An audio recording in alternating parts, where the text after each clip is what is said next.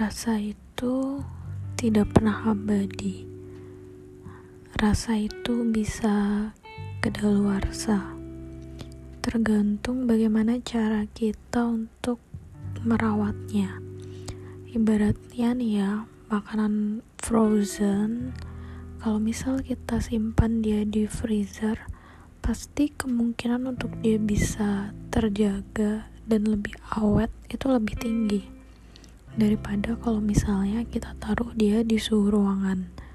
Begitu pula dengan rasa, tergantung bagaimana kita merawatnya. Dan rasa itu nggak bisa cuma dirawat oleh satu orang. Rasa itu nggak bisa cuma dari satu sisi.